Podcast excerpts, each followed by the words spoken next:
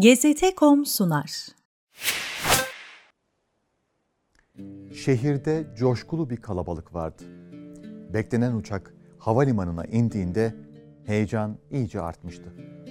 11 Ekim 2008 Cumartesi sabahı 30 yıllık hasret bitmek üzereydi. İniş kapısı açıldığında Tunku Hasan Ditiro kalabalığa tebessüm ederek sevenlerini selamladı. Bu esnada uçağın hemen kenarında bir imam ezan okumaya başladı.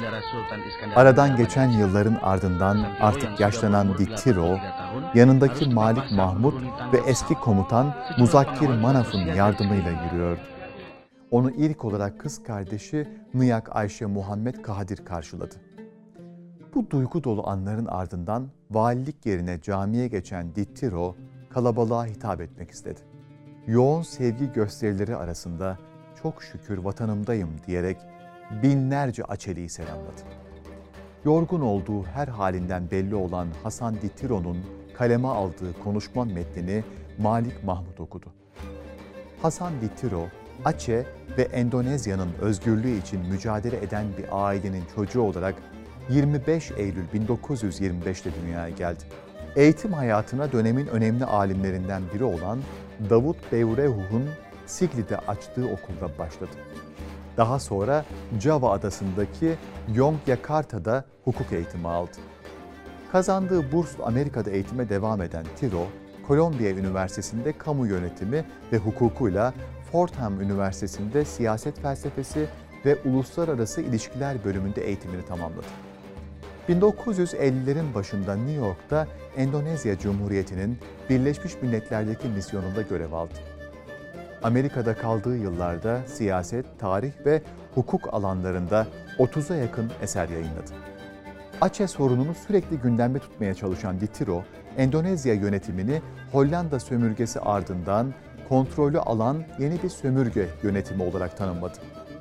Bağımsızlık mücadelesinin amaçları arasında bölgenin İslami bakış açısı kadar ekonomik sorunlar da önemli rol oynadı.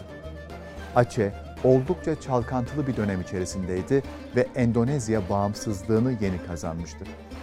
Acehli Davut Devreu, Batı Cavalı Kartor Subirio ve Güney Kalimantanlı Kahar Muzakkar gibi Endonezya Cumhuriyeti'nin kuruluşuna destek veren kişilerle başta Sukarno olmak üzere ülkenin kurucuları arasında yönetimin İslami temellere bağlı olması konusunda fikir ayrılıkları yaşandı. Bu dönemde parlamentodaki itirazlar yetersiz kalınca Darül İslam Hareketi kuruldu. Hasan Dittiro 1953 yılında Darül İslam Hareketi ve Aceh'nin bağımsızlığı için mücadele veren Davut Bevreuh'la ilişkisi sebebiyle Endonezya hükümeti tarafından uyarıldı. Olayın ardından Dittiro, Darül İslam'ın Dışişleri Bakanı olduğunu duyurdu. Endonezya hükümeti tarafından vatandaşlıktan çıkarıldı ve birkaç ay boyunca New York, Ellis adasında yasa dışı bir yabancı olarak hapsedildi. Hasan Dittiro uzun yıllar Aceh'deki mücadeleye yurt dışından destek oldu. Fakat 1974 yılına gelindiğinde eşi Dora'yı, oğlu Karim'i ve Amerika'da rahat bir yaşamı bırakarak Aceh'e döndü.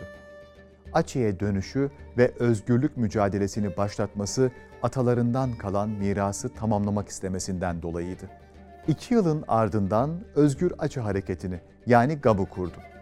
Hareket bağımsızlık talep ederek Aceh'nin doğal kaynaklarını kullanan petrol rafinelerine saldırı düzenlemeye başladı.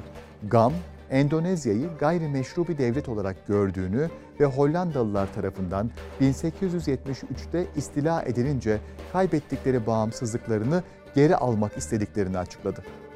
Hasan Dittiro'nun 1976 ile 1979 yıllarında dağlarda verdiği mücadeleyi yazmış olduğu günlükler daha sonra kitap haline getirilerek Özgürlüğün Bedeli adıyla yayımlandı. 3 yılın ardından 1979'da İsveç'e gitti ve 30 yıl boyunca yaşamını burada sürdürdü. GAM'ın liderliğini ve lobicilik faaliyetlerini bu süreç içerisinde devam ettirdi. Resmi tahminlere göre GAM'la ordu arasındaki çatışmalar sırasında 15 bin kişi öldü. Farklı kaynaklarsa bu rakamın 30 bine yakın olduğunu belirtiyor.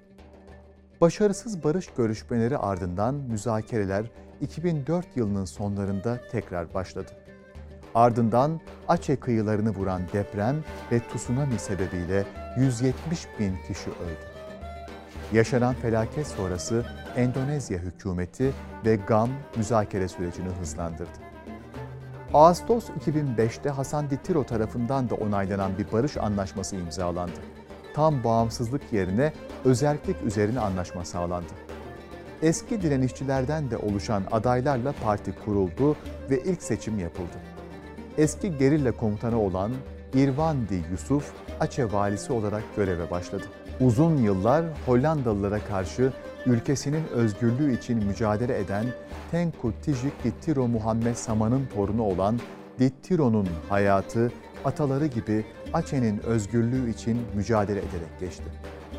Hasan Dittiro 11 Ekim 2008 yılında ülkesine döndüğünde büyük bir coşkuyla karşılandı.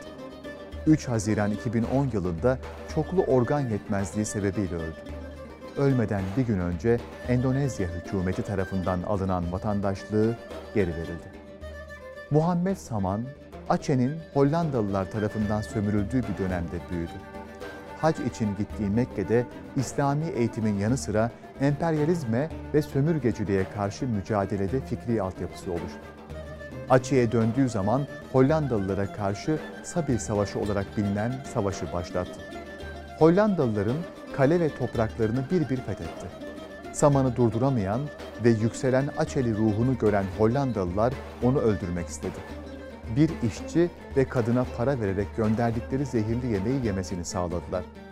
Yemeği yiyen sultan zehirlendi ve Ocak 1891'de Aneuk Galon Kalesi'nde öldü. Hollanda sömürgesine karşı savaşta önemli bir figürdü. Sömürgeciliğe karşı ana vatanını kahramanca savunduğu için Endonezya bağımsızlık kahramanı olarak biliniyor. İslam coğrafyasını daha yakından tanımamıza yardımcı olacak bu serüveni bizimle birlikte takip etmek için kanalımıza dahil olmayı, video dosyalarımıza beğeni ve yorumlarınızla katkı sağlamayı unutmayın.